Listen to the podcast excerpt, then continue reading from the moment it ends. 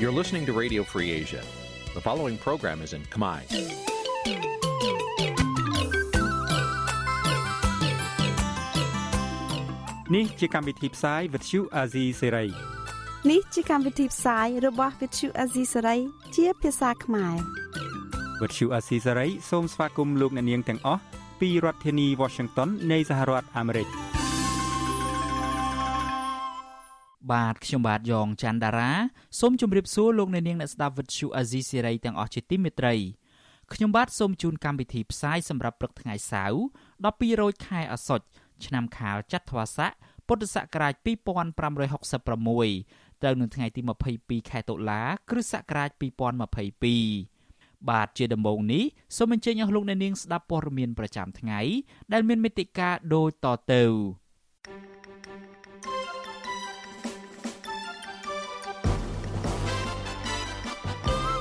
ព្រះសង្ឃរិះគន់សម្ដេចសង្ឃរាជដែលចេញញត្តិថ្កោលទោសលោកសំរងស៊ីអង្គការសង្គមស៊ីវិលស្នើដល់លោកហ៊ុនសែនដោះស្រាយចំនួននយោបាយដោយមេត្តាធម៌និងគោរពច្បាប់ក្រមស្ត្រីថ្ងៃសុកដាក់ញត្តិស្នើសុំកិច្ចអន្តរាគមន៍ឲ្យមានការគោរពស្មារតីនៃកិច្ចព្រមព្រៀងសន្តិភាពទីក្រុងប៉ារីសពលករខ្មែរធ្វើការសន្តិសុខនៅប្រទេសថៃ ត្អូញត្អែពីការរកប្រាក់មិនគ្រប់សម្រាប់ដោះស្រាយជីវភាពរួមនឹងព័ត៌មានសំខាន់សំខាន់មួយចំនួនទៀត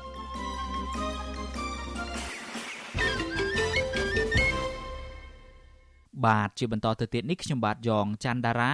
សូមជូនព័ត៌មានទាំងនេះពិស្ដាក្រមស្ត្រីថ្ងៃសុកនាំគ្នាចេញដាក់ញត្តិទៅស្ថានទូតប្រទេសប្រជាធិបតេយ្យធំធំស្នើជួយអន្តរាគមន៍ទៅរដ្ឋាភិបាលកម្ពុជា គោរពស្មារតីនៃកិច្ចព្រមព្រៀងសន្តិភាពទីក្រុងប៉ារីឆ្នាំ1991ដើម្បីស្ដារប្រជាធិបតេយ្យនិងការគោរពសិទ្ធិមនុស្សនៅកម្ពុជាព្រមទាំងដោះលែងអ្នកជាប់ឃុំនយោបាយទាំងអស់ឲ្យមានសេរីភាពវិញសំណើរបស់ក្រមគ្រួសារសកម្មជនគណៈបកប្រឆាំងទាំងនេះធ្វើឡើងមុនពេល2ថ្ងៃនៃខួប31ឆ្នាំនៃកិច្ចព្រមព្រៀងសន្តិភាពទីក្រុងប៉ារីសថ្ងៃទី23ខែតុលាបាទលោកទីនសាការីយ៉ារាយការណ៍ព័ត៌មាននេះ ក្រុមស្ត្រីថ្ងៃសុកជាង20នាក់ដែលជាប្រពន្ធនិងកូនកូនរបស់សកម្មជនគណបកប្រឆាំងកំពុងជាប់ឃុំបានចេញតវ៉ានិងយកញត្តិដែលមានខ្លឹមសារដូចគ្នាដាក់ទៅស្ថានទូតដូចជា ស្ថានទូតជប៉ុនអាមេរិកនិងបារាំងនៅថ្ងៃទី21ដុល្លារក្នុងគោលបំណងស្នើសុំឲ្យសហប្រធានកិច្ចព្រមព្រៀងសន្តិភាពនៅក្រុងប៉ារីសដែលមានបារាំងនិងឥណ្ឌូនេស៊ីផងនោះក៏ហៅប្រទេសជាហត្ថលេខីទាំងអស់រួមទាំងរដ្ឋាភិបាលកម្ពុជា ឲ្យគោរពកិច្ចព្រមព្រៀងសន្តិភាពនៅក្រុងប៉ារីសថ្ងៃទី23ដុល្លារឆ្នាំ1991ឲ្យបានពេញលេញពួកគេយល់ថាដើម្បីធានាឲ្យមានការបោះឆ្នោតដោយសេរីនិងយុត្តិធម៌នោះគណៈកម្មាធិការជាតិរៀបចំការបោះឆ្នោតកោជបត្រូវតែអព្យាក្រឹតនិងធានាថាសិទ្ធិមនុស្សជាមូលដ្ឋានដូចជាសិទ្ធិធ្វើនយោបាយសិទ្ធិបញ្ចេញមតិនិងការជួបប្រជុំត្រូវបានគោរពញាត់ដដាលស្នើអរដ្ឋាភិបាលលហ៊ុនសែនដោះលែងអ្នកទោសមនសិការទាំងអស់ដោយគ្មានលក្ខខណ្ឌ បញ្ឈប់ការធ្វើទុកបុកម្នេញលើអ្នកការពារសិទ្ធិមនុស្សមេដឹកនាំសហជីពអ្នកការពារធនធានធម្មជាតិប្រព័ន្ធផ្សព្វផ្សាយឯករាជ្យនិងសង្គមស៊ីវិលជាដើមការជួបជុំតវ៉ានៅមុខស្ថានទូតប្រទេសប្រជាធិបតេយ្យប្រចាំនៅទីក្រុងភ្នំពេញពួកគេបានស្រែកទាមទាររកយុទ្ធធរអមដោយដៃលើករូបថតអ្នកជាប់ឃុំនិងបដាសរសេរថាយុទ្ធធរត្រូវតែមានដល់អ្នកស្នេហាជាតិជាដាច់ខាត និងគោរពកិច្ចព្រមព្រៀងសន្តិភាពនៅក្នុងប៉ារីសថ្ងៃទី23ដុល្លារឆ្នាំ1991ការជួបជុំដាក់ញត្តិនេះគឺស្ថិតក្រោមការឃ្លាំមើលពីសំណាក់អាជ្ញាធរចម្រុះរាប់សំណាក់ប៉ុន្តែមិនមានការបង្ក្រាបដោយកាលពីពេលមុននោះទេក្រោយពីស្រែកតវ៉ានិងលើកបាដាមួយសន្ទុះមន្ត្រីស្ថានទូតបានអនុញ្ញាតឲ្យតំណាងស្ត្រីថ្ងៃសុកចំនួន3នាក់ចូលយកញត្តិទៅដាក់នៅស្ថានទូត តំណាងស្ត្រីថ្ងៃសុកនឹងជាប្រពន្ធមន្ត្រីគណៈបកសង្គ្រោះជាតិនៅរាជធានីភ្នំពេញដែលកំពុងតែជាប់ឃុំនៅពន្ធនាគារបរិសរលោកកកំភៀគឺនៅស្រីព្រំចន្ទថាប្រាប់វិទ្យុអាស៊ីសេរីក្រោយពីការដាក់ញត្តិនោះថាមន្ត្រីស្ថានទូតទាំង3បានទទួលស្វាគមន៍ពួកលោកស្រីដោយរីករាយនិងសួរសុខទុក្ខដោយសន្យាថានឹងប្រគល់ញត្តិនោះជូនថ្នាក់លើពិនិត្យនឹងយកសំណើទាំងនេះទៅជជែកជាមួយរដ្ឋាភិបាលកម្ពុជាក្នុងជំនួបមេដឹកនាំនាពេលខាងមុខ លោកស្រីរំពឹងថាប្រទេសជាម្ចាស់ហត្ថលេខីនៃកិច្ចព្រមព្រៀងសន្តិភាពនៅក្នុងប៉ារីសឆ្នាំ1991នឹងជួយអន្តរាគមន៍ទៅរដ្ឋាភិបាលលហ៊ុនសែនដោះស្រាយវិបត្តិនយោបាយនៅក្នុងប្រទេសហើយទម្លាក់ចោលការចាប់ប្រកាន់និងដោះលែងអ្នកជាប់ឃុំនយោបាយទាំងអស់វិញដើម្បីឲ្យពួកគាត់ចូលរួមប្រកបប្រជែងការបោះឆ្នោតនៅឆ្នាំ2023ខាងមុខពួក ខ្ញុំលើកដូចដូចគ្នាទាំងអស់គ្រប់បណ្ដាទូតជំរុញធ្វើម៉េចក៏ដោយសូមឲ្យរដ្ឋាភិបាលដោះលែងហើយគោរពកិច្ចព្រមព្រៀងទីក្រុងប៉ារីសដោះលែងប្តីពួកខ្ញុំមកវិញក៏ដូចជាប្តីម្ដាយលោកពុកហើយឲ្យមកវិញមកពួកពួកគាត់មានកំហុសអីទេហើយសូមឲ្យស្ដារសេដ្ឋកិច្ចនឹងឡើងវិញហើយធ្វើម៉េចគោរពហត្ថលេខីកិច្ចព្រមព្រៀងសន្តិភាពទីក្រុងប៉ារីសក្នុង23តុលាឆ្នាំ1991ពេញកាតព្វកិច្ចរបស់ខ្លួនដើម្បីជួយវិជាពលរដ្ឋហើយឲ្យពលរដ្ឋកុំឲ្យទឹកភេទទៅសបោដូចអញ្ចឹងទៀតចា៎ ស្រដៀងគ្នាដែរប្រពន្ធសកម្មជនគណបកប្រឆាំងមួយរូបទៀតដែលកំពុងជាប់ឃុំនៅពន្ធនាគារលោកកុងម៉ាស់គឺលោកស្រីកុលសាទលើកឡើងថាប្តីលោកស្រីនិងសកម្មជនផ្សេងទៀតជាប់ឃុំទាំងអយុធធរក្រោមហេតុផលនយោបាយដោយសារតែស្ថាប័នតុលាការមិនអាយក្រិចធ្វើឲ្យលោកស្រីអស់ជំនឿតទៅទៀតលោកស្រីសង្ឃឹមថាស្ថានទូតប្រទេសប្រជាធិបតេយ្យនឹងយកសំណើទាំងនេះទៅជជែកជាមួយរដ្ឋាភិបាលលហ៊ុនសែន ដើម្បីឲ្យប្រកុលសេរីភាពជនអ្នកជាប់ឃុំនយោបាយទាំងអស់ឡើងវិញ។ថ្ងៃសុកដាក់ញត្តិនេះគឺសូមឲ្យស្ថានទូតជួយអន្តរាគមឲ្យគាត់ជួយតាមដានក៏ដូចជាឃ្លាំមើលជំរុញឲ្យរដ្ឋាភិបាលហ្នឹងគោរពសិទ្ធិមនុស្សពាក់ព័ន្ធនឹងអ្នកទោសនយោបាយក៏ដូចជាអ្នកទោសអ្នកសង្កាយទាំងអស់ឲ្យគាត់ជួយសម្រាប់ស្រួលឲ្យយកប្តីពួកខ្ញុំណែនគេបញ្ជូនទៅទៅទាំងខ្លងឲ្យមកព្រៃសរវិញឬមួយក៏តម្លាក់រាល់ការចោទទាំងអស់ដោះលែងគាត់នៅក្រៅឃុំវិញមក តកតងនឹងបញ្ហានេះប្រធានអ្នកនាំពាក្យរដ្ឋាភិបាលលោកផៃស៊ីផានចាត់ទុកការដាក់ញត្តិរបស់ក្រមស្ត្រីថ្ងៃសុកនៅតាមស្ថានទូតបរទេសនេះលោកអះអាងថាជារឿងនយោបាយដាក់សម្ពាធលើរដ្ឋាភិបាលលោកបញ្ជាក់ទៀតថាកន្លងមករដ្ឋាភិបាលបានអនុវត្តតាមរដ្ឋធម្មនុញ្ញហើយលោកជំរុញឲ្យស្ត្រីទាំងនេះយកសំណពរឬសំណើដាក់មករដ្ឋាភិបាលឬរដ្ឋសភាវិញ។ ហ្នឹងជារឿងការវិនិច្ឆ័យរបស់អ្នកតស៊ូមតិហ្នឹងចំពោះដូចជាខ្ញុំជាមន្ត្រីបរិរដ្ឋាភិបាលយើងធ្វើតាមអ្វីដែលយើងវិនិច្ឆ័យនៅក្នុងរដ្ឋធម្មនុញ្ញរបស់យើងជាកាតព្វកិច្ចរបស់រដ្ឋាភិបាលតែមានច្បាប់ធានាទោះជាយ៉ាងណាកន្លងទៅប្រជាប្រដ្ឋខ្មែរទាំងក្នុងនិងក្រៅប្រទេសក្រមសង្គមស៊ីវិលជាតិអន្តរជាតិនិងប្រទេសជាហត្ថលេខីមួយចំនួនបានទាមទាររដ្ឋាភិបាលលហ៊ុនសែនគោរពកិច្ចព្រមព្រៀងសន្តិភាពនៅក្នុងប៉ារីសឲ្យបានពេញលេញ ដើម្បីបង្រួបបង្រួមជាតិនិងជាប្រយោជន៍ដល់ប្រទេសជាតិទាំងមូលជំវិញនឹងរឿងនេះប្រធានសមាគមការពារសិទ្ធិមនុស្សអាត់ហុកលោកនីសុខាមានប្រសាសន៍ថាការចេញដាក់ញត្តិរបស់ក្រមស្ត្រីថ្ងៃសុកដោយសន្តិវិធី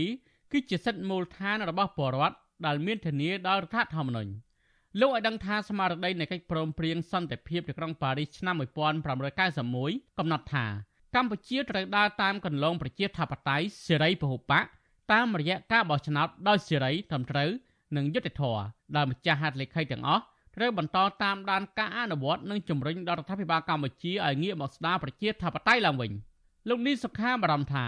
បើសិនជារដ្ឋាភិបាលមិនទទួលយកអនុសាសន៍របស់អង្គការជាតិអន្តរជាតិនិងប្រទេសប្រកាន់របបប្រជាធិបតេយ្យទៅកែលម្អចំណុចខ្វះខាតទៅនោះកម្ពុជានឹងរងទណ្ឌកម្មពីសហគមន៍អន្តរជាតិបន្ថែមទៀត។ ទេសទាំងអស់ហ្នឹងដែលជាសមាជិកនៃហត្ថលេខីទាំងអស់ហ្នឹងត្រូវតែខិតខំធ្វើយ៉ាងណាជំរុញឲ្យអស់ពីលទ្ធភាពធ្វើយ៉ាងណាឲ្យរដ្ឋាភិបាលយើងងាកទៅស្ដារនៅលទ្ធិប្រជាធិបតេយ្យហើយនឹងធានារៀបចំការបោះឆ្នោតមួយដែលធានាប្រកបទៅដោយភាពសេរីត្រឹមត្រូវយុត្តិធម៌ហើយនេះគឺជារឿងដែលសំខាន់ហើយដែលពួកគាត់ចង់បាន ពិសេសគឺឲ្យខាងក្រមគ្រួសារគាត់ដើម្បីចេញពីពន្ធនាគារមកដើម្បីគាត់មានសិទ្ធិសេរីភាពនិងមានឱកាសក្នុងការធ្វើនយោបាយបន្តទៅទៀតបាទ មកទល់ពេលនេះមានសកម្មជនគណបកប្រឆាំងនឹងអ្នករិះគន់រដ្ឋាភិបាលជាង60នាក់ហើយកំពុងជាប់ឃុំក្នុងពន្ធនាគារដោយសារតែការអនុវត្តសិទ្ធិសេរីភាពរបស់ខ្លួនក្រុមអង្គការសង្គមស៊ីវិលជាតិអន្តរជាតិជាច្រើនរួមទាំងទីភ្នាក់ងារអង្គការសហប្រជាជាតិនិងក្រុមប្រទេសប្រជាធិបតេយ្យធំធំកន្លងមកបានថ្កោលទោសជាបន្តបន្ទាប់ចំពោះរដ្ឋាភិបាលដោយចាត់ទុកថាការចាប់ខ្លួនសកម្មជនគណបកនយោបាយទាំងនេះគឺជារឿងនយោបាយនិងគ្មានមូលដ្ឋានច្បាប់ពួកគេបន្តទាមទាររដ្ឋាភិបាលដោះលែងអ្នកជាប់ឃុំទាំងនោះ ឲ្យមានសេរីភាពឡើងវិញដោយអត់លក្ខខណ្ឌព្រមទាំងអំពាវនាវដល់រដ្ឋាភិបាលកម្ពុជាបើកលំហសិទ្ធិសេរីភាពសង្គមស៊ីវិលនិងនយោបាយក្នុងនោះក៏រាប់បញ្ចូលទាំងការលុបចោលនិងការកែតម្រង់ច្បាប់នានាដែលរដ្ឋបတ်សិទ្ធិសេរីភាពប្រជាពលរដ្ឋផងដែរកិច្ចព្រមព្រៀងសន្តិភាពនៅក្នុងប៉ារីសមាត្រា15ចំណុចកចែងថាកម្ពុជាត្រូវធានាគោរពសិទ្ធិមនុស្សនិងសេរីភាពជាមូលដ្ឋានរបស់ប្រជាពលរដ្ឋរួមទាំងគាំទ្រពលរដ្ឋកម្ពុជាធ្វើសកម្មភាពការពារសិទ្ធិមនុស្សនិងសេរីភាពជាមូលដ្ឋាន។ ដើម្បីធានាថានយោបាយនិងអំពើប្រព្រឹត្តក្នុងអតីតកាលមិនត្រូវបានអនុញ្ញាតឲ្យវិលត្រឡប់មកវិញច្រាច់ខាតខ្ញុំទីនសាការីយ៉ាអសិរ័យប្រធានីវ៉ាស៊ីនតោន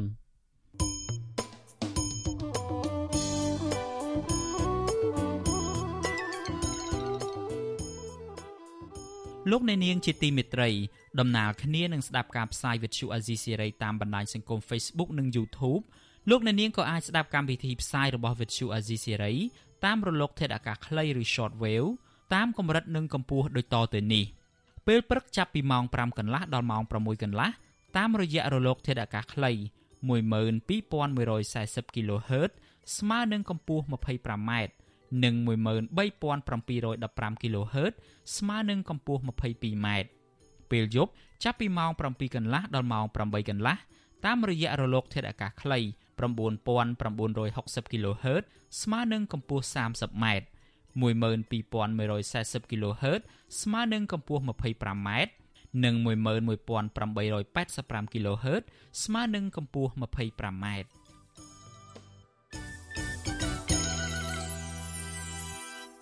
បាទលោកអ្នកនាងជាទីមេត្រីពាក់ព័ន្ធទៅនឹងរឿងនយោបាយវិញ មន្ត្រីជាន់ខ្ពស់គណៈបកសង្គ្រោះជាតិដែលស្មោះស្ម័គ្រជាមួយនឹងលោកសំរងស៊ីអះអាងថាពួកគេនឹងមិនរត់ចោលលោកសំរងស៊ីជាដាច់ខាតការលើកឡើងនេះគឺក្រោយពេលដែលលោកហ៊ុនសែនបានសន្យាថាលោកនឹងស្នើដល់ព្រះមហាក្សត្រឲ្យលើកលែងទោសដល់មន្ត្រីគណៈបកប្រឆាំងទាំងឡាយណា ដែលប្រកាសផ្តាច់ខ្លួនពីលោកសំរងស៊ីបាទលោកសេកបណ្ឌិតរាយការណ៍ព័ត៌មាននេះ3លើកជាប់គ្នានៃការថ្លែងសារជាសាធារណៈរបស់លោកហ៊ុនសែន ប្រមុខរដ្ឋាភិបាលរូបនេះនៅតែបង្ហាញសារបង្ហូរឈាមកំតិចលោកសំរងស៊ីនិងបពពួកដដែលលោកហ៊ុនសែនថាលោកនឹងបដូរផ្ដាច់អនុវត្តយុទ្ធសាស្ត្របង្ហូរឈាមនេះដូចទៅនឹងការបដួលរំលំរបបខ្មែរក្រហមដែរទោះយ៉ាងណាមន្ត្រីសង្គមស៊ីវិលយល់ថាលោកហ៊ុនសែនមិនគួរប្រើយុទ្ធសាស្ត្រនេះទេហើយថាសម្ដីរបស់លោកហ៊ុនសែនអាចធ្វើឲ្យពលរដ្ឋមានការភ័យខ្លាច និងប៉ះពាល់ដល់ដំណើរការនៃការបោះឆ្នោតឆ្នាំ2023ខាងមុខលោកហ៊ុនសែនថាគោលដៅរបស់លោក គឺលោកសំរាំងស៊ីតែម្នាក់ទេ អ្នកផ្សេងពីនេះ បើយល់ព្រមចាក់ចេញពីលោកសំរាំងស៊ីនឹងត្រូវរួចខ្លួន លោកថែមទាំងសន្យាថា លោកនឹងស្នើព្រះមហាក្សត្រលើកលែងដល់មន្ត្រីគណៈបកប្រឆាំងណា ដែលប្រកាសផ្ដាច់ខ្លួនចេញពីលោកសំរាំងស៊ី បើយើងមិនកំចាត់កាមួយនឹងទៅវាចម្លែកខ្ញុំកំចាត់តែមួយនោះទេអត់កំចាត់ណាណាផ្សេងអញ្ចឹងអ្នកដតីបបាយខ្លួនចេញមកបបាយខ្លួនចេញខ្ញុំអាចនឹងពិនិត្យលើកលែងទោសឲ្យណែតែឲ្យបែកចេញពីអាមួយនោះព្រោះខ្ញុំមានអំណាចដើម្បីនឹងចុះហត្ថលេខាស្នើសុំព្រះមហាក្សត្រលើកលែងទោសក៏ប៉ុន្តែក្នុងលក្ខខណ្ឌដែលឯងបំបីខ្លួនចេញពីអាមួយនោះលោកហ៊ុនសែនថ្លែងយ៉ាងដូចនេះ ក្នុងពិធីជួបសំណេះសំណាលលើកទី3ជាមួយពលរដ្ឋស្ម័គ្រចិត្តរើសំណង់ចេញពីតំបន់រមណីយដ្ឋានអង្គរក្នុងស្រុកបន្ទាយស្រីខេត្តសៀមរាបនៅថ្ងៃទី21ខែតុលាទន្ទឹមគ្នានោះដែរលោកហ៊ុនសែនថែមទាំងអួតអាងថា លោកចាប់បានភ័ស្តុតាងខ្លះៗហើយដែលអ្នកក្នុងស្រុកមានទំនាក់ទំនងជាមួយក្រុមលោកសំរងស៊ីនៅក្រៅប្រទេសក៏ប៉ុន្តែលោកថាលោកមិនទាន់ចាត់វិធានការនោះទេ ទោះយ៉ាងណាមន្ត្រីជាន់ខ្ពស់គណៈបកសង្គ្រោះជាតិលោកដួងចន្ទ្រាដែលកំពុងភៀសខ្លួននៅក្រៅប្រទេសនឹងត្រូវតុលាការផ្ដន់ទាទោសលោកជាច្រើនករណីបានប្រាប់បទសុអាស៊ីសេរីថាលោកមិនរត់ចោលលោកសំរាស៊ីនោះទេបើទោះបីជាត្រូវជាប់ឈ្មោះជាតនដិតក្តីលោកដួងចន្ទ្រាដែលដើរតាមគន្លងនយោបាយលោកសំរាំងស៊ីជាង20ឆ្នាំមកនេះលើកឡើងទៀតថា ការចូលរួមធ្វើនយោបាយជាមួយលោកសំរាំងស៊ី ដើម្បីស្ដារលទ្ធិប្រជាធិបតេយ្យមិនមែនជាការធ្វើសកម្មភាពល្មើសច្បាប់ឬក្បត់ជាតិដោយតុលាការនៃរដ្ឋាភិបាលលោកហ៊ុនសែនចោលប្រកាសនោះទេមន្ត្រីជាន់ខ្ពស់នៃគណៈបកប្រឆាំងរូបនេះយល់ថាសាររបស់លោកហ៊ុនសែនពេលនេះគ្រាន់តែជាការបោកប្រាស់ប៉ុណ្ណោះហើយចុងបញ្ចប់លោកហ៊ុនសែននឹងប្រើប្រាស់ប្រព័ន្ធតុលាការចោតប្រកាន់លើមន្ត្រីគណៈបកប្រឆាំងដដែលដោយអ្វីដែលលោកហ៊ុនសែនធ្លាប់បានអនុវត្តនាពេលកន្លងមក ដើម្បីស្ដារលទ្ធិជាតិអញ្ចឹងទេយើងខ្ញុំនៅតែរួមដំណើរបន្តជាមួយលោកប្រធានសំសេជនិកដើម្បីស្ដារលទ្ធិប្រជាធិបតេយ្យនៅកម្ពុជាឲ្យទាល់តែបានបាទសង្កល់ឃើញថាលោកហ៊ុនសែនគាត់មិនដែលគិតពីរឿងអ្វីអស់គឺមានតែរឿងបោកប្រាស់ដើម្បីឲ្យគេចូលអន្ទាក់ហើយពេលដែលយើងភ្លេចខ្លួនគេនឹងចាប់យើងដាក់គុកដដែលទេបាទលោកហ៊ុនសែនបានក្បត់សម្ដីរបស់ខ្លួនជាញឹកញាប់កាលពីឆ្នាំ2019 នៅពេលដែលលោកហ៊ុនសែនរៀបរៀងការធ្វើមាតុភូមិនិវត្តរបស់លោកសំរាស៊ីបានជោគជ័យប្រមុខរដ្ឋាភិបាលរូបនេះប្រកាសឲ្យសកម្មជនគណៈបកប្រឆាំងនៅក្រៅប្រទេសវិលចូលស្រុកវិញ ដោយលោកមិនដាក់ទោសនោះទេហើយក៏ប្រកាសដោះលែងសកម្មជនគណៈបកប្រឆាំងរូបណាដែលបានជាប់ពាក់ព័ន្ធនឹងផែនការវិលចូលស្រុករបស់លោកសំរាស៊ីតែការប្រកាសបែបនេះមិនបានប្រមាណខែផងលោកហ៊ុនសែនក៏ប្រែចិត្តវិញភ្លាមភ្លាម និងបានដេញតាមចាប់សកម្មជនគណៈបកប្រឆាំងដែលពាក់ព័ន្ធក្នុងសំណុំរឿងវល់ចូលស្រុករបស់លោកសំរងស៊ីដាក់ពន្ធនាគារជាបន្តបន្ទាប់សប្តាហ៍នេះមានថ្នាក់ដឹកនាំនិងសកម្មជនគណៈបកសង្គ្រោះជាតិជិត40នាក់ត្រូវបានតុលាការក្រុងភ្នំពេញបើកសវនាការជំនុំជម្រះស្ទើររៀងរាល់សប្តាហ៍ពាក់ព័ន្ធនឹងការវល់ចូលស្រុករបស់លោកសំរងស៊ីនិងថ្នាក់ដឹកនាំរបស់គណៈបកសង្គ្រោះជាតិប្រធានអង្គការសម្ព័ន្ធភាពការពារសិទ្ធិមនុស្សកម្ពុជាហៅកាត់ថាច្រាក់ លោករស់សុថាយល់ថាចំនួនរវាងលោកហ៊ុនសែននិងលោកសំរងស៊ីមិនទាន់ដល់ដំណាក់កាលដែលលោកហ៊ុនសែនត្រូវប្រើប្រាស់យុទ្ធសាស្ត្រដូចទៅនឹងយុទ្ធសាស្ត្រកុំតិចខ្មែរក្រហមនោះទេ អ្នកការពារសិទ្ធិមនុស្សរូបនេះ ចង់ឃើញលោកហ៊ុនសែនដោះស្រាយចំនួននេះដោយមានចិត្តមេត្តាធម៌និងគោរពតាមរដ្ឋធម្មនុញ្ញ តាមវប្បធម៌ខ្មែរយើងគឺគឺថាការដែលយើងកំហឹងទល់កំហល់ហ្នឹងគឺថាมันអាចនឹងរកដោះស្រាយឃើញទេចឹងគឺថាក្នុងយើងមានអីទៅមានថាឲ្យមានការអត់ធ្មត់ឲ្យច្រើនអធិស្ឋានគ្នាច្រើនហើយអឺភាគីទាំងសងខាងគួរកាត់បន្ថយរឿងអ្វីដែលខុសច្បាប់ដែលមិនគួរធ្វើមិននឹងសម្ដែងណាបាទស្រដៀងគ្នានេះដែរប្រធានសមាគមនិស្សិតបញ្ញវន្តខ្មែរលោកកែលសារាយយល់ថា សារព្រមានរបស់លោកហ៊ុនសែនបានជះឥទ្ធិពលមិនល្អដល់សង្គមនិងមិនបានបន្សល់នៅគំរូល្អដល់អ្នកនយោបាយចំនួនក្រោយនោះទេលោកបន្តថាចំណុចសំខាន់មួយទៀតការប្រមានបង្ហូរឈាមនេះដែរហាក់ដើរបញ្ច្រាស់ពីពាក្យសន្តិភាពដែលលោកហ៊ុនសែនតែងតែលើកឡើងស្ទើរតែរៀងរាល់ថ្ងៃអ្នកធ្វើការងារសង្គមរូបនេះចង់ឃើញលោកហ៊ុនសែនប្រើវប្បធម៌នយោបាយថ្មី គឺនយោបាយតុកមូលដែលជាការជជែកគ្នាដើម្បីផលប្រយោជន៍ជាតិ ប្រសិនបើជាអ្នកនយោបាយចាប់ផ្ដើមបារម្ភគិតពីកូនចៅចំនួនក្រោយណាក៏គួរតែមកជជែកគ្នាហើយប្រើពាក្យកំតិចជាបាតក្នុងនាមជាជនជាតិខ្មែរដូចគ្នានេះខ្ញុំគិតថាមិនគួរប្រើដាច់ខាតមិនគួរទេវាធ្វើឲ្យជាតិសាសន៍ដទៃគេមើលងាយយើងណាលោកហ៊ុនសែនប្រើប្រាស់យុទ្ធសាស្ត្រ Defeat ក្នុងការផ្ដួលរំលំរបបខ្មែរក្រហមក្នុងអំឡុងឆ្នាំ1987ដើម្បីកម្ចាត់ក្រុមខ្មែរក្រហមឬរដ្ឋាភិបាលចម្រុះកម្ពុជាប្រជាធិបតេយ្យនៅជ័យដែន។ យុទ្ធសាស្ត្រ David ដែលមាន5តួអក្សរអង់គ្លេសនោះគឺ D I F I D ដែលប្រែមកថា បំបែកធ្វើឲ្យឯកោបញ្ចប់សមាហរណកម្មនិងអភិវឌ្ឍដោយឡែកចំពោះផែនការគំតិចលោកសំរងស៊ីវិញលោកហ៊ុនសែនអះអាងថា លោកប្រើតែពីរតួអក្សរទេ គឺ I និង F ពាក្យ I និង F នេះ ជាពាក្យមានន័យសាមញ្ញថាទុកឲ្យឯកោហើយត្រូវបញ្ចប់ខ្ញុំបាទសេកបណ្ឌិត វុទ្ធុអាស៊ីសេរីពីរដ្ឋធានីវ៉ាស៊ីនតោនបាទលោកអ្នកនាងជាទីមេត្រីអ្នកតាមដានស្ថានភាពនយោបាយនិងព្រះសង្ឃរិះគន់ថាគណៈសង្ឃនាយកនិងថ្នាក់ដឹកនាំមន្ត្រីសង្ឃកំពុងប្រព្រឹត្តខុសព្រះវិន័យបន្ទាប់ពីបានចេញញត្តិគាំទ្រលោកហ៊ុនសែនដើម្បីថ្កោលទោសលោកសំរងស៊ីអ្នកសិក្សាផ្នែកច្បាប់លើកឡើងថាស្ថាប័នសាសនាចេញញត្តិគាំទ្រឬប្រឆាំងអ្នកនយោបាយនេះគឺជារឿងខុសទៅនឹងច្បាប់ជាតិដែលបានកំណត់ ហើយស្មើនឹងការបង្ហាញថា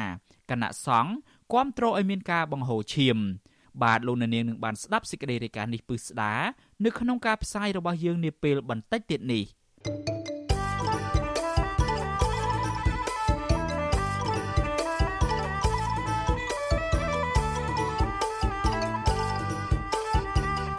លោកនាងកំពុងស្ដាប់ការផ្សាយរបស់ Vuthu Azizi Serai ពីរដ្ឋធានី Washington នៃសហរដ្ឋអាមេរិក ប្រជាពលរដ្ឋជាច្រើនគ្រួសារដែលរងផលប៉ះពាល់ពីគម្រោងអភិវឌ្ឍដីសម្បត្តិសង្គមគិច្ចនៅតំបន់រុនតាឯកខេត្តសៀមរាបខកខានមិនបានជួបលោកហ៊ុនសែនដើម្បីរាយការណ៍ពីទុកលំបាករបស់ពួកគាត់ដោយសារតែគ្មានដំណោះស្រាយជាង10ឆ្នាំមកហើយ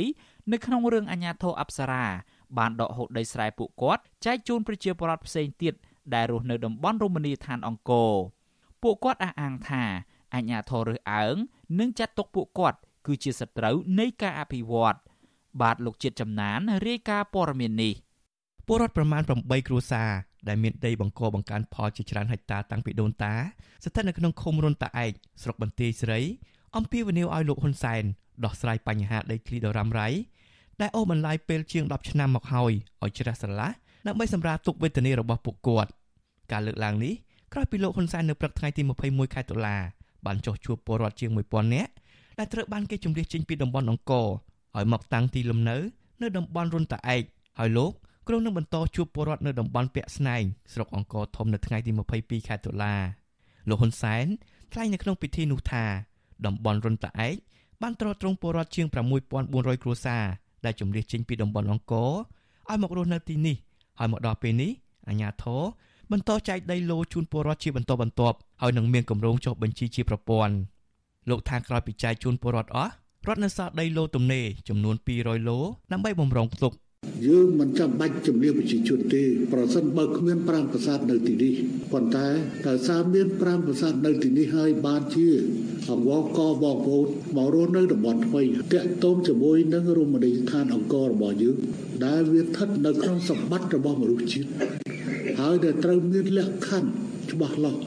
សម្រាប់ការគ្រប់គ្រងតំបន់ទាំងនេះ ពលរដ្ឋរងផលប៉ះពាល់ពីគម្រោងអភិវឌ្ឍនេះអះអាងថាលោកនាយករដ្ឋមន្ត្រីហ៊ុនសែន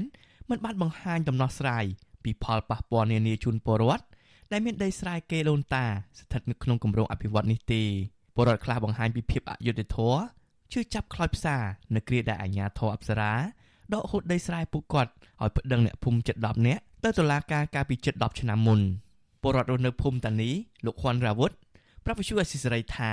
លោកមិនអាចចូលទៅជួបលោកនាយករដ្ឋមន្ត្រីបាននោះឡើយដោយសារតែសមត្ថកិច្ចរារាំងនិងតាមដានគ្រប់សកម្មភាពលោកបន្តថាអាញាធរអប្សរាមានចេតនាលាក់បាំងពីភាពអយុត្តិធម៌ក្នុងរឿងនេះដោយមិនអោយលោកនាយករដ្ឋមន្ត្រីហ៊ុនសែនដឹងទើបមិនអនុញ្ញាតឲ្យពួកលោកចូលរួមលោកថាគ្រួសាររបស់លោកមានដីកសិកម្មជិត2ហិកតាដែលជាគេដូនតាត្រូវអាជ្ញាធរអប្សរាហាមិនអោយធ្វើស្រែតាំងពីឆ្នាំ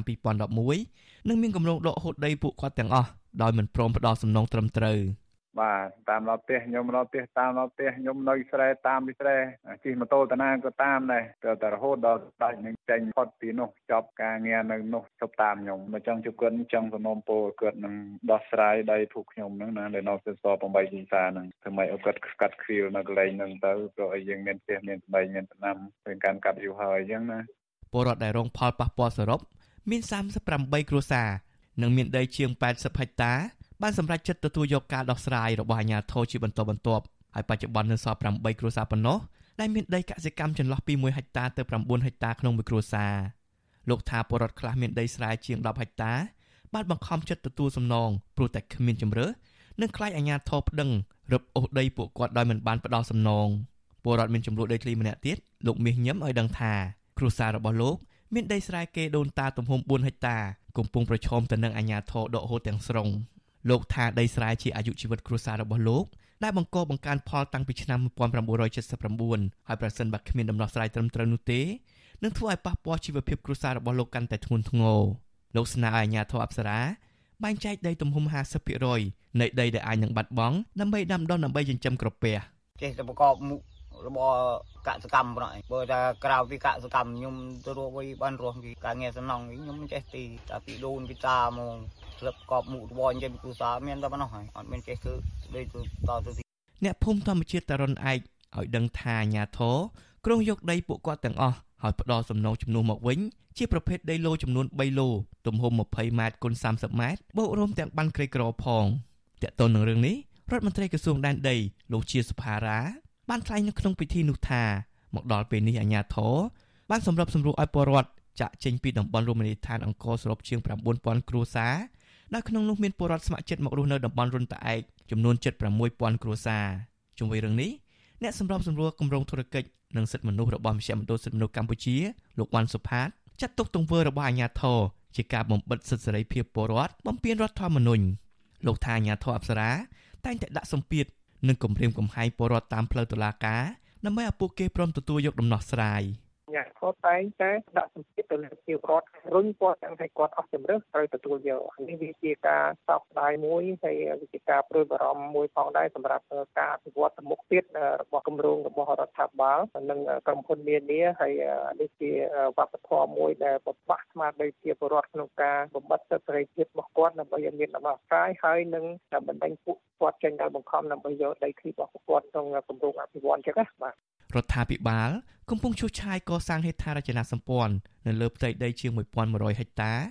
ដើម្បីអភិវឌ្ឍតំបន់រុនតាឯក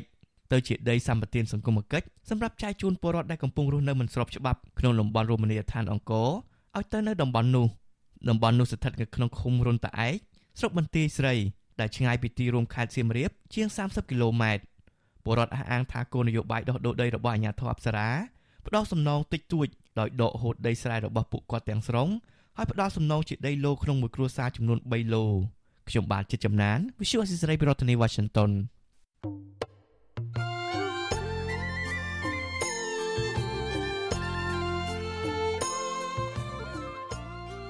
លោកអ្នកនាងជាទីមេត្រី នៅក្នុងឱកាសនេះដែរខ្ញុំបាទសូមថ្លែងអំណរគុណដល់លោកអ្នកនាងកញ្ញាទាំងអស់ ដែលតែងតែមានភក្ដីភាពចំពោះការផ្សាយរបស់យើង ហើយចាត់ទុកការស្ដាប់វិទ្យុអាស៊ីសេរីជាផ្នែកមួយនៃសកម្មភាពប្រចាំថ្ងៃរបស់លោកអ្នកនាងគឺការគ្រប់គ្រងរបស់លោកអ្នកនាងនេះហើយដែលធ្វើឲ្យយើងខ្ញុំមានទឹកចិត្តកាន់តែខ្លាំងថែមទៀតនៅក្នុងការស្វែងរកនិងផ្តល់ព័ត៌មានជូនលោកអ្នកនាងមានអ្នកស្ដាប់អ្នកទស្សនាកាន់តែច្រើនកាន់តែធ្វើឲ្យយើងខ្ញុំមានភាពស្វាហាប់មោះមុតជាបន្តទៅទៀតយើងខ្ញុំសូមអរគុណទុកជាមុនហើយសូមអញ្ជើញលោកអ្នកនាងកញ្ញា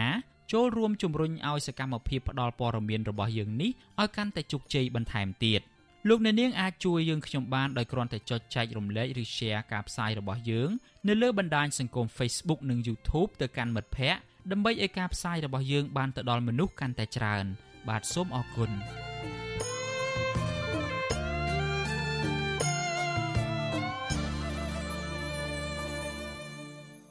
បាទលោកអ្នកនាងជាទីមេត្រីងាកមកបញ្ហាជីវភាពរបស់ប្រជាពលករខ្មែរនៅក្នុងប្រទេសថៃឯណោះវិញពលករខ្មែរធ្វើការងារផ្នែកសន្តិសុខនៅប្រទេសថៃត្អូញត្អែថាពួកគាត់រកប្រាក់ចំណូលមិនគ្រប់គ្រាន់សម្រាប់ដោះស្រាយជីវភាពប្រចាំថ្ងៃពួកគាត់ថ្លែងថាការធ្វើការងារសប្តាហ៍ថ្ងៃនេះបានប្រាក់ខែតិចតួច ស្របពេលដែលទំនិញឡើងថ្លៃគ្រប់មុខហើយការចំណាយវិញមានជាច្រើនមុខដូចជាការបង់ថ្លៃបន្ទប់ថ្លៃសាំងម៉ូតូជិះទៅធ្វើការ និងថ្លៃអាហារជាដើម បាទសំលោកនៅនាងស្ដាប់សេចក្តីរាយការណ៍នេះរបស់អ្នកស្រីស្ងួនអមរាដូចតទៅពលករខ្មែរជាសន្តិសុខធ្វើការនៅប្រទេសថៃអស់រយៈពេល5ឆ្នាំមានស្រុកកំណើតនៅខេត្តកំពង់ឆ្នាំងលោកថនស្ដាងប្រាប់វិទ្យុអាស៊ីសេរីនៅរសៀលថ្ងៃទី21ខែតុលាថា លោកទទួលបានប្រាក់12000បាត ដែលស្មើនឹងជា300ដុល្លារក្នុងមួយខែ តែมันគ្រប់គ្រាន់សម្រាប់ចាយវាយផ្សេងផ្សេងនោះទេ ព្រោះត្រូវចំណាយលើម្ហូបអាហារថ្លៃធ្វើដំណើរបង់ថ្លៃទឹកភ្លើងបន្ទប់ជួល និងប្រាក់ផ្ញើទៅផ្គត់ផ្គង់គ្រួសារនៅកម្ពុជាខ្លះទៀតលោកបន្តថាពលករខ្មែរដែលធ្វើការសន្តិសុខនៅកន្លែងលោកប្រមាណ20នាក់ហើយពួកគេសិតតែមានជីវភាពប្រហាក់ប្រហែលនឹងលោកដែរលោកបន្ថែមថាធ្វើការជាសន្តិសុខមិនមានម៉ោងការងារបន្ថែមទេ ដែលធ្វើឲ្យលោកមិនអាចរកប្រាក់ចំណូលបន្ថែមបាន លោកបញ្ជាក់ថាប្រសិនបើការងារថ្មី ដែលបានប្រាក់ខែច្រើនជាងនេះ នោះលោកនឹងបដូរការងារភ្លាម។ ធ្វើជាសន្តិសុខយាមនៅតាមគោលដៅរបស់គេនៅតាមរោងចក្រគេវាមិនមែនជាជីវភាពប្រសើរណាស់ណាទេបាទដោយសារដែលយើងអត់មានធ្វើការអូដូចគេអត់មានធ្វើការថែមម៉ោងដូចគេហើយជាពិសេសគឺយើងស៊ីប្រាក់ខែងាប់នៅក្នុងប្រទេសគេវាជួបពីបញ្ហាសេដ្ឋកិច្ចដែរដូចជាប្រេងសាំងថ្លៃភ្លើងថ្លៃបន្ទប់ឬក៏អាហារហូបចុកហ្នឹងគេឡើងថ្លៃទៅតាមនឹងលោកថនស្ដាងបញ្ជាក់ថាការងាររោងចក្រឬការងារសំណង់នៅប្រទេសថៃ ពលករអាចធ្វើការថែមម៉ោងបាន ហើយប្រាក់ចំណូលបានតាមកម្លាំងដែលពលករខិតខំធ្វើការស្រដៀងគ្នានេះដែរពលករខ្មែរម្នាក់ទៀតធ្វើការជាសន្តិសុខនៅសាលារៀនមួយជាក្រុងបាងកកលោកណាងវិបុលប្រាប់ថាលោកធ្វើការគិតជាលុយថៃមួយថ្ងៃមេក្រុមឲ្យ500បាត ស្មើនឹង15ដុល្លារ តែលោកក៏ចំណាយច្រើនដែរសម្រាប់ចំណីអាហារប្រចាំថ្ងៃលោកបន្តថាបើខែណាត្រូវចំណាយច្រើន គឺគ្មានប្រាក់សម្រាប់ផ្ញើឲ្យអ្នកផ្ទះទេអីមកមកទប់ទល់ហ្នឹងប៉ុន្តែនៅប្រទេសគេហ្នឹងមិនក៏ពិបាកដែរគាត់យកធ្វើធ្វើក៏ស្គាល់ឲ្យឡើងថ្លៃមួយឆ្នាំដល់10000ជាងរឿងបានមួយថ្ងៃ500វិញមិនហូបអាហារក៏គេក៏ថ្លៃដែរអ្នកធ្វើអញ្ចឹងក៏មិនសល់សល់លុយដល់អ្នកចេះទុកលុយណាស់សំណាស់មិនបានលុយសល់ វិទ្យុអាស៊ីសេរីមិនអាចតាក់ទងសុំការស្រាយបំភ្លឺជំវិញរឿងនេះពីស្ថានទូតកម្ពុជាប្រចាំប្រទេសថៃបានទេ នៅថ្ងៃទី21ខែតុលាដោយទូរស័ព្ទហៅចូលតែពុំមានអ្នកទទួលជុំវិញរឿងនេះដែរមន្ត្រីគម្រោងនៃមជ្ឈមណ្ឌលសម្ព័ន្ធភាពការងារនិងសិទ្ធិមនុស្សលោកលឹងសុផុនលើកឡើងថាពីមុនប្រទេសថៃអនុញ្ញាតឲ្យពលករខ្មែរធ្វើការជាសន្តិសុខបាន តែបច្ចុប្បន្នពលករបរទេសមិនអាចធ្វើជាសន្តិសុខបានទេបើយោងតាមច្បាប់ការងារថៃលោកបន្តថាសម្រាប់ពលករខ្មែរដែលធ្វើការផ្នែកសន្តិសុខបានប្រាក់ខែគួរសមដែរតែมันអាចទប់ទល់ទៅនឹងអតិផរណាឬទំនិញឡើងថ្លៃបានទេ លោកយល់ថាពលករខ្មែរគួរតែរកការងារបន្ថែមទៀតក្រៅពីការងារសន្តិសុខដើម្បីបានប្រាក់ចំណូលផ្គត់ផ្គង់គ្រួសារគ្រប់គ្រាន់ ឥឡូវហ្នឹងពីពាក្យព័ន្ធដល់ការចំណាយនៅថៃអ្វីគ្រប់យ៉ាងហ្នឹងវាឡើងថ្លៃអញ្ចឹងខ្ញុំគិតថាការចំណាយរបស់យើងសូម្បីតែយើងត្បិតត្បៀតក៏ប្រាក់ខែជាង400ដុល្លារហ្នឹងក៏យើងអាចផ្គត់ផ្គង់ជីវភាពយើងវាទាំងលំបាកណាបាទយើងមិនគ្រប់គ្រាន់ទេបើសិនជាយើងអាចទៅរកការងារថ្មីឬក៏កន្លែងណាដែលមានការថែមម៉ោងច្រើនឬក៏យើងទៅធ្វើជារោងចក្រអីផ្សេងផ្សេងដែលជាការងារថែមម៉ោងច្រើនខ្ញុំគិតថាយើងអាចផ្គត់ផ្គង់ជីវភាពគ្រួសារយើងបានរបាយការណ៍អង្គការសង្ត្រាល់ឲ្យដឹងថាបច្ចុប្បន្នមានពលករខ្មែរដែលធ្វើការទាំងស្របច្បាប់ និងមិនស្របច្បាប់នៅប្រទេសថៃ ជាង2លាននាក់ប៉ុន្តែរបាយការណ៍របស់ក្រសួងការងារកម្ពុជាឲ្យដឹងថាមានពលករខ្មែរដែលធ្វើការនិងរស់នៅប្រទេសថៃប្រមាណ1លាន2សែននាក់នាងខ្ញុំស្ងួនអមរា With you Azisari ពីរដ្ឋធានី Washington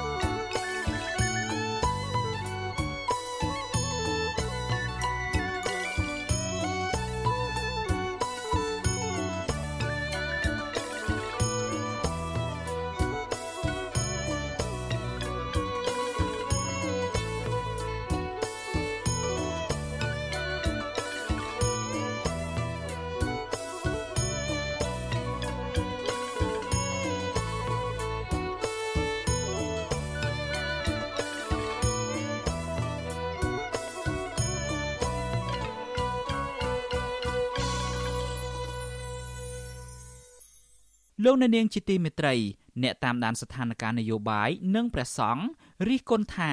គណៈសង្ឃនាយកនិងថ្នាក់ដឹកនាំមន្ត្រីសង្ឃកំពុងប្រព្រឹត្តខុសព្រះវិន័យបន្ទាប់ពីបានចេញញត្តិគាំទ្រលោកហ៊ុនសែនដើម្បីថ្កោលទោសលោកសំរងស៊ីអ្នកសិក្សាផ្នែកច្បាប់លើកឡើងថាស្ថាប័នសាសនាចេញញត្តិគាំទ្រឬប្រឆាំងអ្នកនយោបាយនេះគឺជារឿងខុសទៅនឹងច្បាប់ជាតិដែលបានកំណត់ហើយស្មើនឹងការបង្ហាញថាគណៈសង្ឃគាំទ្រឲ្យមានការបង្ហូរឈាម បាទសូមលោកអ្នកនាងស្ដាប់សេចក្តីរាយការណ៍នេះពឺស្ដារបស់លោកលេងម៉ាលីដូចតទៅព្រះសង្ឃនិងសមណនិស្សិតមានថេរដីកាលើកឡើងថា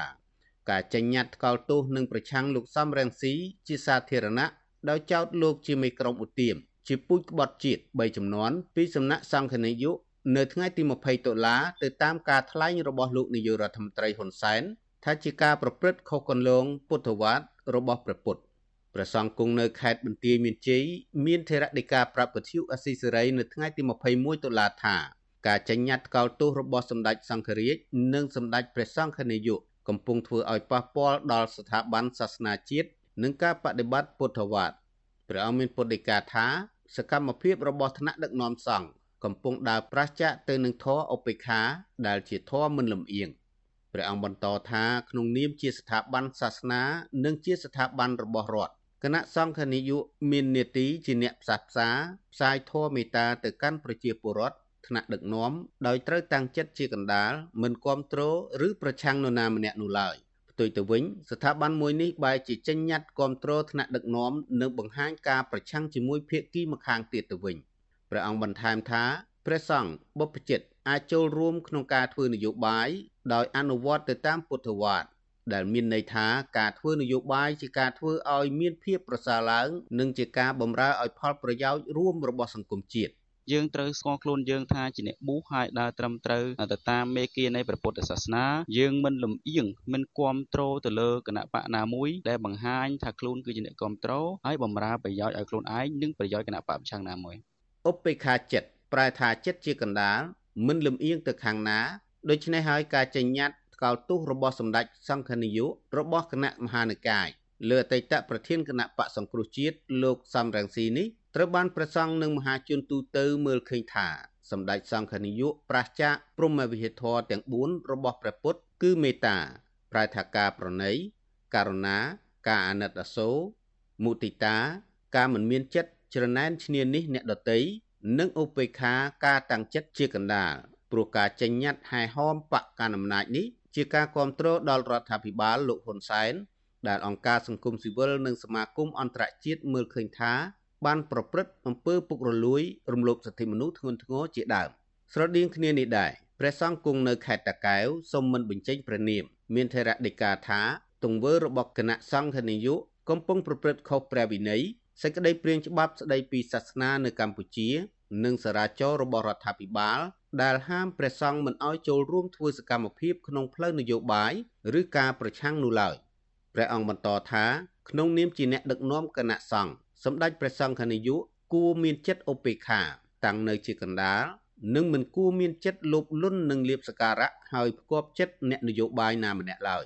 តែជាក់ស្ដែងពេលដែលខាងសង្ឃនាយកឬក៏ប្រសងនៅលោកមានតំណែងមានបុណ្យស័ក្តិលោកបែរជាមានសិទ្ធិសេរីភាពទាក់ទងជាមួយនឹងការចេញញត្តិស្គាល់ទោសហើយលក្ខណៈបែបចេញគ្រប់គ្រងជាមួយនឹងគណៈបកកណ្ដាលអំណាចហ្នឹងបែបបើកបើកចំហទៅវិញហ្នឹងវាបើយើងបញ្ជាក់វិទាក់ទងជាមួយនឹងការអនុវត្តច្បាប់ហ្នឹងវាមានស្តង់ដារ2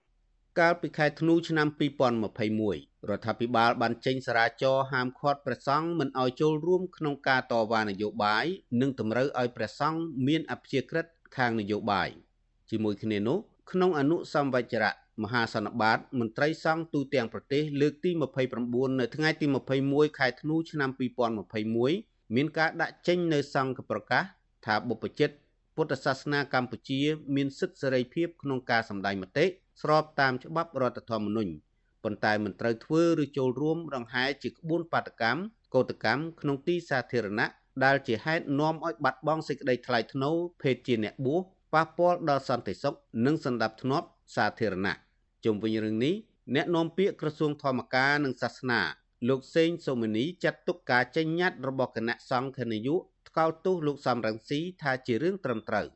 លោកបន្តថាការចេញញត្តិនេះ គឺផ្អែកទៅលើសិទ្ធិសម្រេចរបស់ព្រះសង្ឃគណៈនិងទៅលើទស្សនវិជ្ជាជាក់ស្ដែងតាមដែលលោកមើលឃើញ ជាពិសេសតាមការលើកឡើងរបស់លោកហ៊ុនសែនថាលោកសំរងស៊ីជាជនក្បត់ជាតិយ៉ាងណាក្តីលោកស្នើដល់ប្រជាពលរដ្ឋកុំមានការយល់ច្រឡំលើគណៈសង្ឃនាយកពាក់ព័ន្ធនឹងការចេញញត្តិនេះអាហ្នឹងបើនិយាយពីខាងគណៈសង្ឃគឺព្រះអង្គធ្វើត្រឹមត្រូវហើយខ្ញុំគ្រប់គ្រងព្រះអង្គអញ្ចឹងណាមាត្រាទី43នៃរដ្ឋធម្មនុញ្ញកម្ពុជាចែងថា ព្រះពុទ្ធសាសនាជាសាសនារបស់រដ្ឋក្នុងអត្ថន័យនេះមានន័យថារដ្ឋកំណត់យកព្រះពុទ្ធសាសនាជាសាសនារបស់រដ្ឋព្រោះពលរដ្ឋខ្មែរភាគច្រើន មានជំនឿទៅលើព្រះពុទ្ធសាសនាក៏ប៉ុន្តែរដ្ឋាភិបាលមិនមានសិទ្ធិបញ្ជាឬគ្រប់គ្រងកែប្រែព្រះវិន័យឡើយទោះជាយ៉ាងនេះក្តីក៏ស្ថានភាពបច្ចុប្បន្នរដ្ឋាភិបាលមានសិទ្ធិលើសលប់មកលើស្ថាប័នសាសនាតាមរយៈមន្ត្រីសង្ឃដែលទទួលយស័ក្តិនិងលៀបសការៈពីមន្ត្រីរដ្ឋាភិបាល ទន្ទឹមគ្នានេះរដ្ឋាភិបាលតែងតែលូកដៃចូលទៅក្នុងកិច្ចការមន្ត្រីសង្ឃដោយការធ្វើទុកបុកម្នេញលើព្រះសង្ឃណាដែលចេញមុខការពារព្រៃឈើនិងសិទ្ធិសេរីភាពបញ្ចេញមតិជាដើមជុំវិញរឿងនេះអ្នកសិក្សាច្បាប់គឺលោកវ៉ាន់ចាន់ឡូតលើកឡើងថាទង្វើរបស់គណៈសង្ឃនាយកបានប្រឆាចពីព្រះវិន័យនិងច្បាប់ពាក់ព័ន្ធផ្សេងទៀតលោកបន្តថាការចេញញត្តិថ្កោលទោសឬគាំទ្រគណៈបក ឬអ្នកនយោបាយណាមួយ គឺជាការបង្ហាញភាពមិនសមស្របទៅនឹងច្បាប់ស្តីពីគណៈបកនយោបាយដែលហាមស្ថាប័នមួយចំនួនរួមទាំងស្ថាប័នសាសនាមិនឲ្យចូលរួមសកម្មភាពក្នុងផ្លូវនយោបាយទោះជាយ៉ាងណាក្តីលោកថាទោះបីគ្មានការតាក់តែងច្បាប់ទាំងនេះចេញមកក្តីក៏សកម្មភាពរបស់គណៈសង្ឃបានបង្ហាញពីភាពឆ្គាំឆ្គងផ្ទុយពីព្រះវិន័យជាពិសេសភាពជាបុព្វជិតរួចទៅហើយ។ លោកបន្ថែមថាក្នុងនាមជាអ្នកបួសដែលកាត់ផ្ដាច់កាមកិលេសមិនញាប់ញ័រក្នុងផ្លូវលោកព្រះសង្ឃគួរតែជាអ្នកផ្សព្វផ្សាយមេត្តាធម៌រកដំណោះស្រាយឬវិធីផ្សះផ្សាជាជាងការគ្រប់គ្រងតាមតែសម្ដីរបស់មេដឹកនាំដែលធ្វើឲ្យបាត់បង់គុណតម្លៃនិងប៉ះពាល់ដល់ព្រះសង្ឃដទៃទៀត។ មានការចោទសួរថាប្រសិនបើពិតជាក្រុមឧទាមែនហើយរដ្ឋាភិបាលត្រូវទៅកំចាត់កំតិចគេថាកំចាត់កំតិចមានន័យថាត្រូវទៅធ្វើមានការបាញ់គ្នាមានសម្លាប់គ្នាអញ្ចឹងដល់តែក្នុងនាមយើងជាប្រសង់យើងទៅចេញញត្តិថ្កោលទោសហើយគ្រប់គ្រងសកម្មភាពអញ្ចឹងយើងសាកចោទសួរមើលថាតើវាត្រឹមត្រូវទេ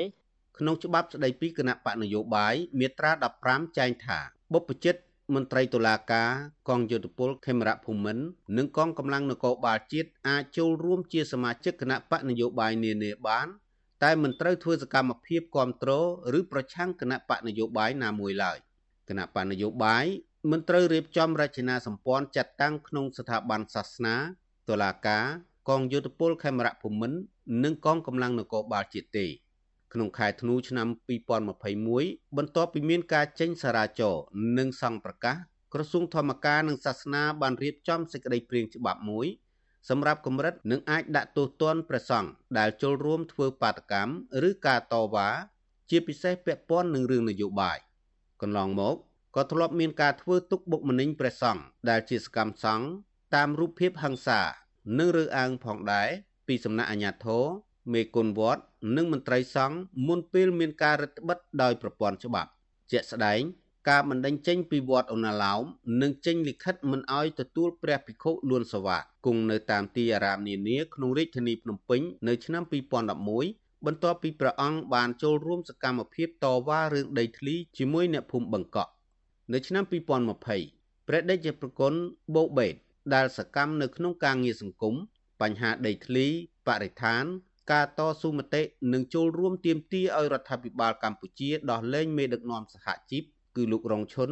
បានបង្ខំភាពប្រកាយទៅប្រទេសថៃនិងក្រោយមកនិមន្តទៅប្រទេសស្វីសក្រោយមានការគម្រាមកំហែងនិងតាមចាប់ព្រះអង្គទោះបីមានការគម្រាមកំហែងរដ្ឋបិទនិងការធ្វើទុកបុកម្នេញដល់សកម្មសង្ឃដោយរដ្ឋាភិបាលលោកហ៊ុនសែនយ៉ាងណាក៏ដោយក៏វាមិនបានសម្លាប់ឧត្តមកតេ ទឹកចិត្តស្នេហាជាតិនិងការទៀមទារោគយុតិធធដោយព្រះសង្ឃបាននោះឡើយព្រោះគំរូវីរភាពរបស់សម្ដេចសង្ឃរាជជួនណាតនិងអាចារ្យហែមជាវបានចាក់ស្រេះក្នុងភ្នត់គំនិតរបស់ព្រះសង្ឃនិងប្រជាជនគ្រប់គ្នា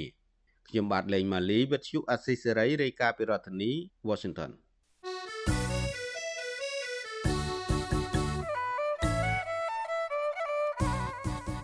លោកអ្នកនាងកញ្ញាជាទីមេត្រី ក្រៅពីការតាមដានកម្មវិធីផ្សាយរបស់វិទ្យុអាស៊ីសេរីតាមបណ្ដាញសង្គម Facebook YouTube Telegram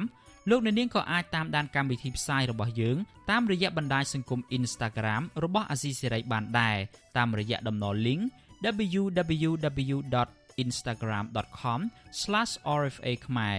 អាស៊ីសេរីបន្តខិតខំផ្សព្វផ្សាយព័ត៌មានពិតទៅកាន់បងប្អូនតាមរយៈបណ្ដាញសង្គមផ្សេងៗ និងសម្បូរបែបដើម្បីឲ្យលោកអ្នកនាងងាយស្រួលតាមដានកម្មវិធីផ្សាយរបស់យើងគ្រប់ពេលវេលា និងគ្រប់ទីកន្លែងតាមរយៈទូរស័ព្ទរបស់លោកអ្នកបាទសូមអរគុណ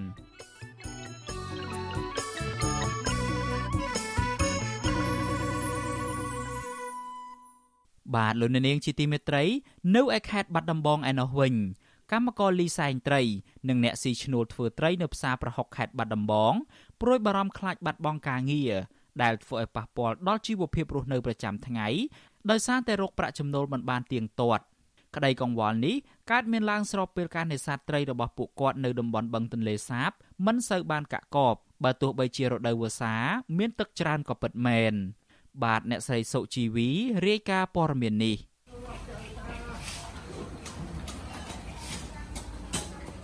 តំបន់ទន្លេសាបធ្លាប់ជាកន្លែងដែលប្រជាពលរដ្ឋរាប់ម៉ឺននាក់នៅក្នុងខេត្តបាត់ដំបងអាស្រ័យផល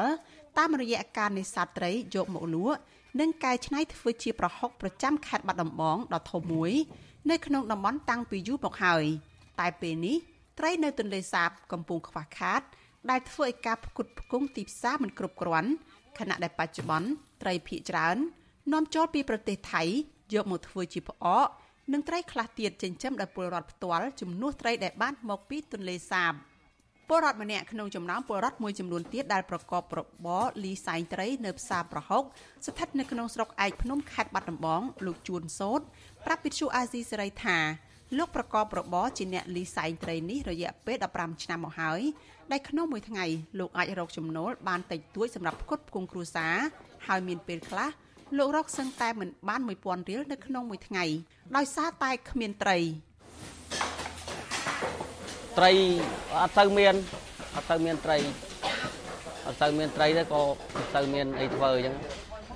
បើត្រីច្រើនហ្នឹងយើងจะបានមានអីធ្វើបានលុយច្រើនអញ្ចឹងត្រីអត់មានចេះម្នាក់មួយថ្ងៃ4 5000នេះប៉ុណ្ណឹងឯងបើមានច្រើនក៏ម្នាក់2 30000នេះអញ្ចឹងវាតាមដោយថ្ងៃ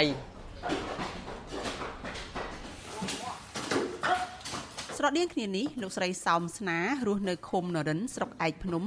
ដែលធ្លាប់ជាអ្នកប្រកបរបរនេសាទត្រីនៅតំបន់ទន្លេសាបជាមួយប្តីលោកស្រីប៉ុន្តែដោយសារតែការនេសាទត្រីមិនបានអ្នកស្រីបានបដូរមកធ្វើជាកម្មករកាប់ត្រីជាមួយនឹងកូនស្រីនៅផ្សារប្រហុក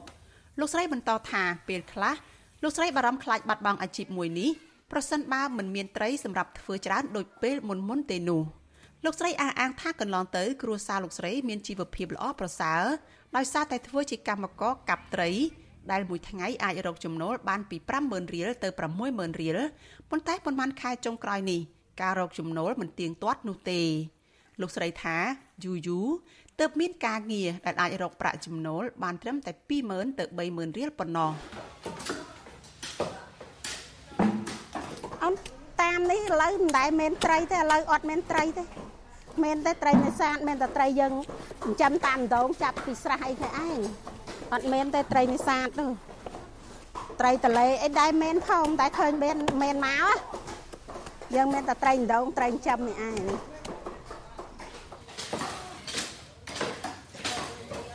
ជាច្រើនទសវត្សរ៍មកនេះផ្សារប្រហុកនៅស្រុកឯកភ្នំខេត្តបាត់ដំបង បានតាក់ទាញភ្ញៀវទេសចរជាច្រើនអ្នកទៅលេងកម្សាន្តជារៀងរាល់ថ្ងៃដោយសារតែជាផ្សារប្រហុកដ៏ធំជាងគេនៅក្នុងខេត្តបាត់ដំបងបង្ហាញពីជីវភាពរស់នៅប្រចាំថ្ងៃរបស់ប្រជាពលរដ្ឋនៅទីជនបទក្នុងការលក់ដូរជាលក្ខណៈគ្រួសារដែលជាទីចាប់អារម្មណ៍របស់អ្នកទេសចរអន្តរជាតិប៉ុន្តែបច្ចុប្បន្នស្ងប់ស្ងាត់យូរយូរទើបមានភ្ញៀវទេសចរមកលេងម្ដងចំណែកថៅកែដែលតែងតែកំងទិញត្រីពីប្រជានេសាទដើម្បីយកទៅធ្វើប្រហុកអស់រយៈពេលជាង20ឆ្នាំ ដែលមានទីតាំងជាប់នឹងផ្សារប្រហុកផ្ទាល់លោកឆាតប៊ុនឡាយឲ្យដឹងថាបច្ចុប្បន្នលោកមិនដែលបានទិញត្រីពីប្រជានេសាទនៅក្នុងស្រុកនោះទេដោយសារតែគ្មានត្រីឲ្យទិញដូច្នេះជារៀងរាល់ខែលោកទិញត្រីពីប្រទេសថៃដើម្បីយកមកធ្វើប្រហុកនិងផ្អកលោកបន្តថាប្រសិនបើមានការកំងទិញប្រហុកនិងផ្អកច្រើនពីភ្ញៀវលោកអាចទិញត្រីពីថៃមកច្រើនដែលជួយដល់កម្មករនៅកន្លែងលោកជិត10នាក់ អាចរកប្រាក់ចំណូលបានខ្លះផ្គត់ផ្គង់ជីវភាពប៉ុន្តែមួយរយៈពេលចុងក្រោយនេះលោកមិនសូវបានទិញត្រីពីប្រទេសថៃច្រើននោះទេព្រោះបារម្ភខ្លាចលក់ប្រហុកប្រអកមិនចេញធ្វើឲ្យលោកខាត់ដើមច្រើនស្នើឲ្យរដ្ឋាភិបាលយើងជួយ ជាពលរដ្ឋយើងឲ្យមានកន្លែងចិញ្ចឹមត្រីចិញ្ចឹមអីអញ្ចឹងណាគ្នាក៏បានលក់អានឹងបានធ្វើបានអីរំលឹកនឹងជាមួយគ្នាហ្នឹងមកដប់មួយគ្នាហ្នឹងអ្នកកាប់ទាំងអ្នកលក់អីជាមួយគ្នាហ្នឹងចង់ឲ្យតែមានច្រើនច្រើនលក់ដាច់ឲ្យច្រើន ហើយអ្នកកាប់ហ្នឹងក៏គ្នាបានច្រើនអញ្ចឹងវិទ្យុអាស៊ីសេរីមិនអាចតាក់ទងអភិបាលខេត្តបាត់ដំបងលោកសុកលូដើម្បីអត្ថាធិប្បាយជុំវិញបញ្ហានេះបានទេដោយទូរស័ព្ទហៅចូលតែគ្មានអ្នកទទួលជុំវិញរឿងនេះមន្ត្រីសម្របសម្រួលសមាគមអាត6ខេត្តបាត់ដំបងលោកយិនមេងលីមើលឃើញថា បញ្ហាខ្វះខាតត្រីនិងការជាប់គាំងនៃការនាំចេញប្រហុកទៅទីផ្សារគឺជារឿងដែលអាជ្ញាធរពាក់ព័ន្ធគួរតែគិតគូរឲ្យបានដិតដល់ពីព្រោះបញ្ហានេះធ្វើឲ្យប៉ះពាល់ដល់ជីវភាពរស់នៅរបស់ប្រជាពលរដ្ឋកាន់តែច្រើនលោកបន្តថាគួរតែមានការបណ្ដុះបណ្ដាលបច្ចេកទេសចិញ្ចឹមត្រី ដែលជាប្រភពចំណូលនៅក្នុងស្រុកល្អជាជាងដែលយើងទិញចូលពីខាងក្រៅច្រើនពេករុក្ខាប្រមាញ់និងនេសាទនេះ ជាក្រសួងជំនាញអញ្ចឹងក៏បីតែធ្វើការបណ្ដុះបណ្ដាលបញ្ហាការចិញ្ចឹមនេះលក្ខណៈបច្ចេកទេសក្នុងការចិញ្ចឹមនេះដើម្បីឲ្យឲ្យបានត្រឹមត្រូវដល់ប្រជាពលរដ្ឋខ្មែរការធ្វើរបៀបនេះវាបង្កើនចំណូលដល់ប្រជាពលរដ្ឋខ្មែរវាបង្កើនការងារធ្វើដល់ប្រជាពលរដ្ឋខ្មែរហើយយើងកាត់បន្ថយការនាំចូលណាកាត់បន្ថយការនាំចូលពីបរទេស ដែលវាអាចធ្វើឲ្យប៉ះពាល់ដល់មុខរបរដល់ជីវភាពរបស់ប្រជាពលរដ្ឋជាច្រើនឆ្នាំកន្លងទៅផ្សារមួយនេះមានតូបលក់ប្រហុករបស់អាជីវករចំនួន54តូបហើយក្នុងមួយតូបមួយតូបលក់ប្រហុកប្រមាណពី50ទៅ100តោននៅក្នុងមួយឆ្នាំចំណែកត្រីធ្វើប្រហុកវិញមួយចំនួនធំដឹកចេញពីបឹងទន្លេសាបនៅក្នុងឃុំព្រៃចាស់និងឃុំកោះជីវាំងស្រុកឯកភ្នំនិងមួយចំនួនទៀត យកមកពីខេត្តពោធិ៍សាត់និងខេត្តកំពង់ឆ្នាំងនាងខ្ញុំសូជីវីវិទ្យុអាស៊ីសេរីពីរដ្ឋធានី Washington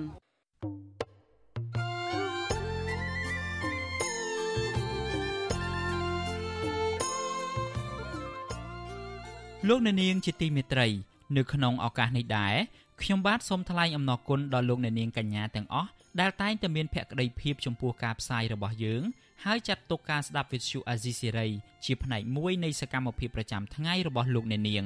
គឺការគ្រប់គ្រងរបស់លោកអ្នកនាងនេះហើយដែលធ្វើឲ្យយើងខ្ញុំមានទឹកចិត្តកាន់តែខ្លាំងថែមទៀតនៅក្នុងការស្វែងរកនិងផ្តល់ព័ត៌មានជូនលោកអ្នកនាងមានអ្នកស្ដាប់អ្នកទស្សនាកាន់តែច្រើនកាន់តែធ្វើឲ្យយើងខ្ញុំមានភាពស្វាហាប់មោះមុតជាបន្តទៅទៀតយើងខ្ញុំសូមអរគុណទុកជាមុនហើយសូមអញ្ជើញលោកអ្នកនាងកញ្ញា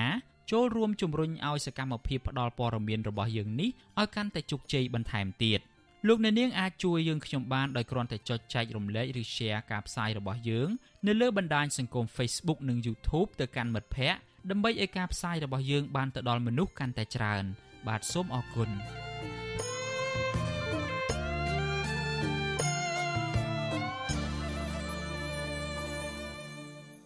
លោកអ្នកនាងកំពុងស្ដាប់ការផ្សាយរបស់ Vuthu Azizi Serai ពីរដ្ឋធានី Washington នៃសហរដ្ឋអាមេរិកប្រជាពលរដ្ឋនិងសង្គមស៊ីវិលព្រួយបារម្ភថាអ្នកធ្វើស្រែអំបិលនឹងបោះបង់ចោលមុខរបរក្រោយពីមានការនាំចូលអំបិលច្រើនពីក្រៅប្រទេសខណៈតម្លៃអំបិលក្នុងស្រុកគ្មានទីផ្សារនិងមានតម្លៃថោកក្តីបារម្ភនេះកើតមានឡើងបន្ទាប់ពីកម្ពុជា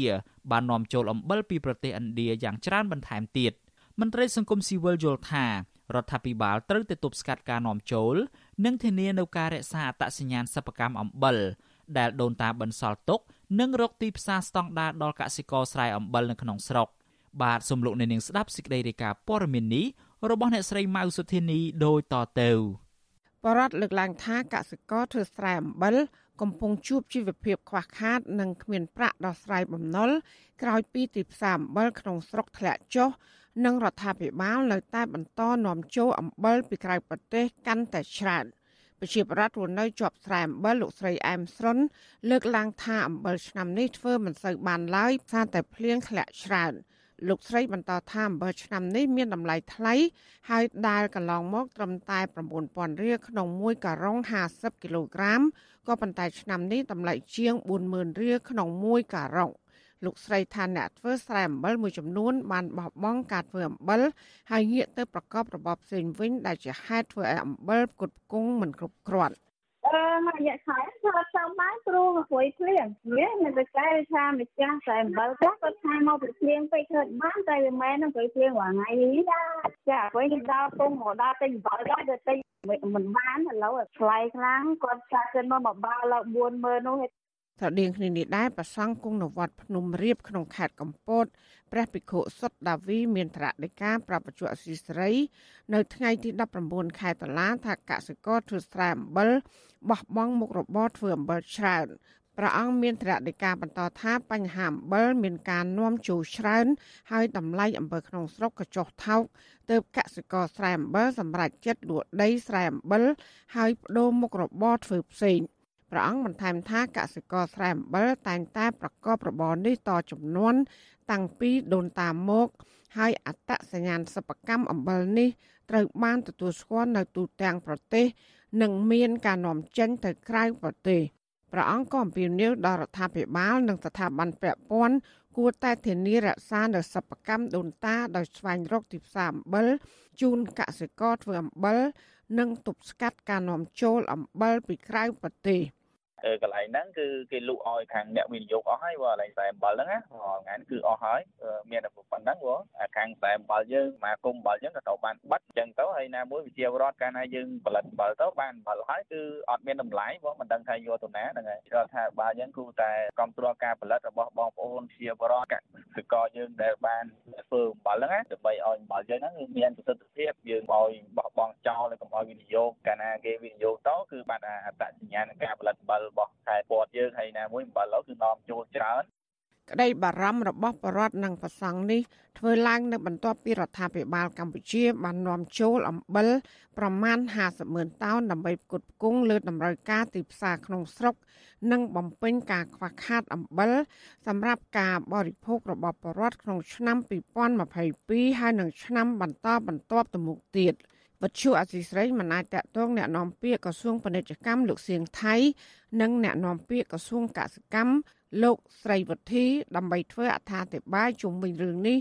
បានដល់ឡាយទេ នៅថ្ងៃទី19ខែតុលាដោយសារតែគ្មានអ្នកទទួល ជុំវិញរឿងនេះប្រធាន សមាគមសម្ព័ន្ធសហគមន៍កសិករកម្ពុជាលោកថេងសាវឿនយល់ឃើញថាគឺជារឿងមួយគួរឲ្យសោកស្ដាយព្រោះថាកម្ពុជាសម្បូរទៅដោយធនធាននៃផលិតផលកសិកម្ម លោកថាដោយសារតែកម្ពុជាខ្វះខាតនៃការគាំពៀពីរដ្ឋាភិបាល និងគោលនយោបាយលើកកម្ពស់ផលិតផលក្នុងស្រុក បានធ្វើឲ្យកសិករស្រែអំបិលត្រូវបង្ខំចិត្តបោះបង់របរនេះហើយកម្ពុជាក៏បានបាត់បង់ប្រាក់ចំណូលនិងចំណាយប្រាក់ច្រើនទៅកាន់ទីផ្សារអន្តរជាតិលោកថេងសាវឿនសង្ឃឹមថារដ្ឋមន្ត្រីក្រសួងកសិកម្មថ្មី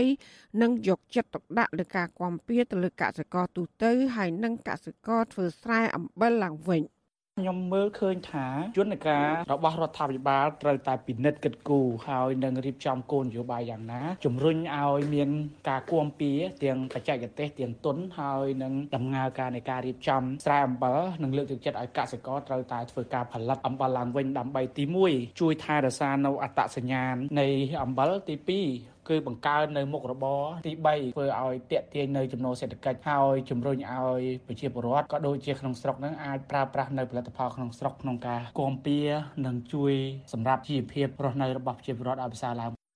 របាយការណ៍ក្រសួងឧស្សាហកម្មឲ្យដឹងថាក្នុងឆ្នាំ2020ផ្ទៃដីធ្វើស្រែអំបិលក្នុងខេត្តកំពតនិងខេត្តកែបមានទំហំជិត5000ហិកតា បើអាកាសធាតុអំណោយផលក្នុង1ហិកតាកសិករអាចផលិតអំបិលបានជាមធ្យម20តោនក្នុងមួយឆ្នាំកាលពីអំឡុងឆ្នាំ2014 2015និងឆ្នាំ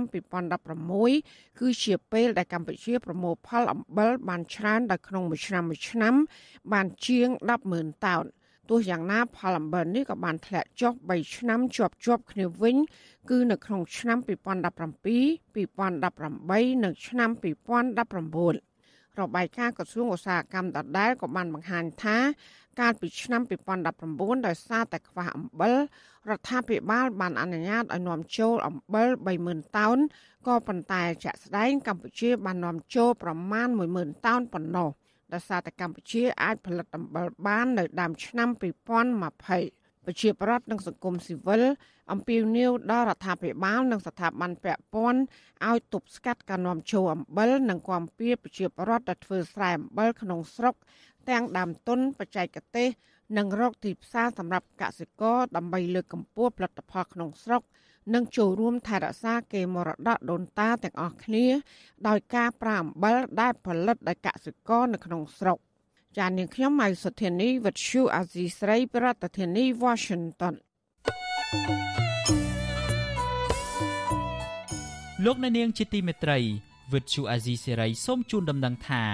យើងគ្មានអ្នកយកព័ត៌មានប្រចាំនៅប្រទេសកម្ពុជាទេប្រសិនបើមានជនណាម្នាក់ អះអាងថាជាអ្នកយកព័ត៌មានឲ្យវិទ្យុអាស៊ីសេរីនៅកម្ពុជានោះគឺជាការក្លែងបន្លំយកឈ្មោះអាស៊ីសេរីទៅប្រើនៅក្នុងគោលបំណងទុច្ចរិតណាមួយរបស់បុគ្គលនោះតែប៉ុណ្ណោះបាទសូមអរគុណ thank you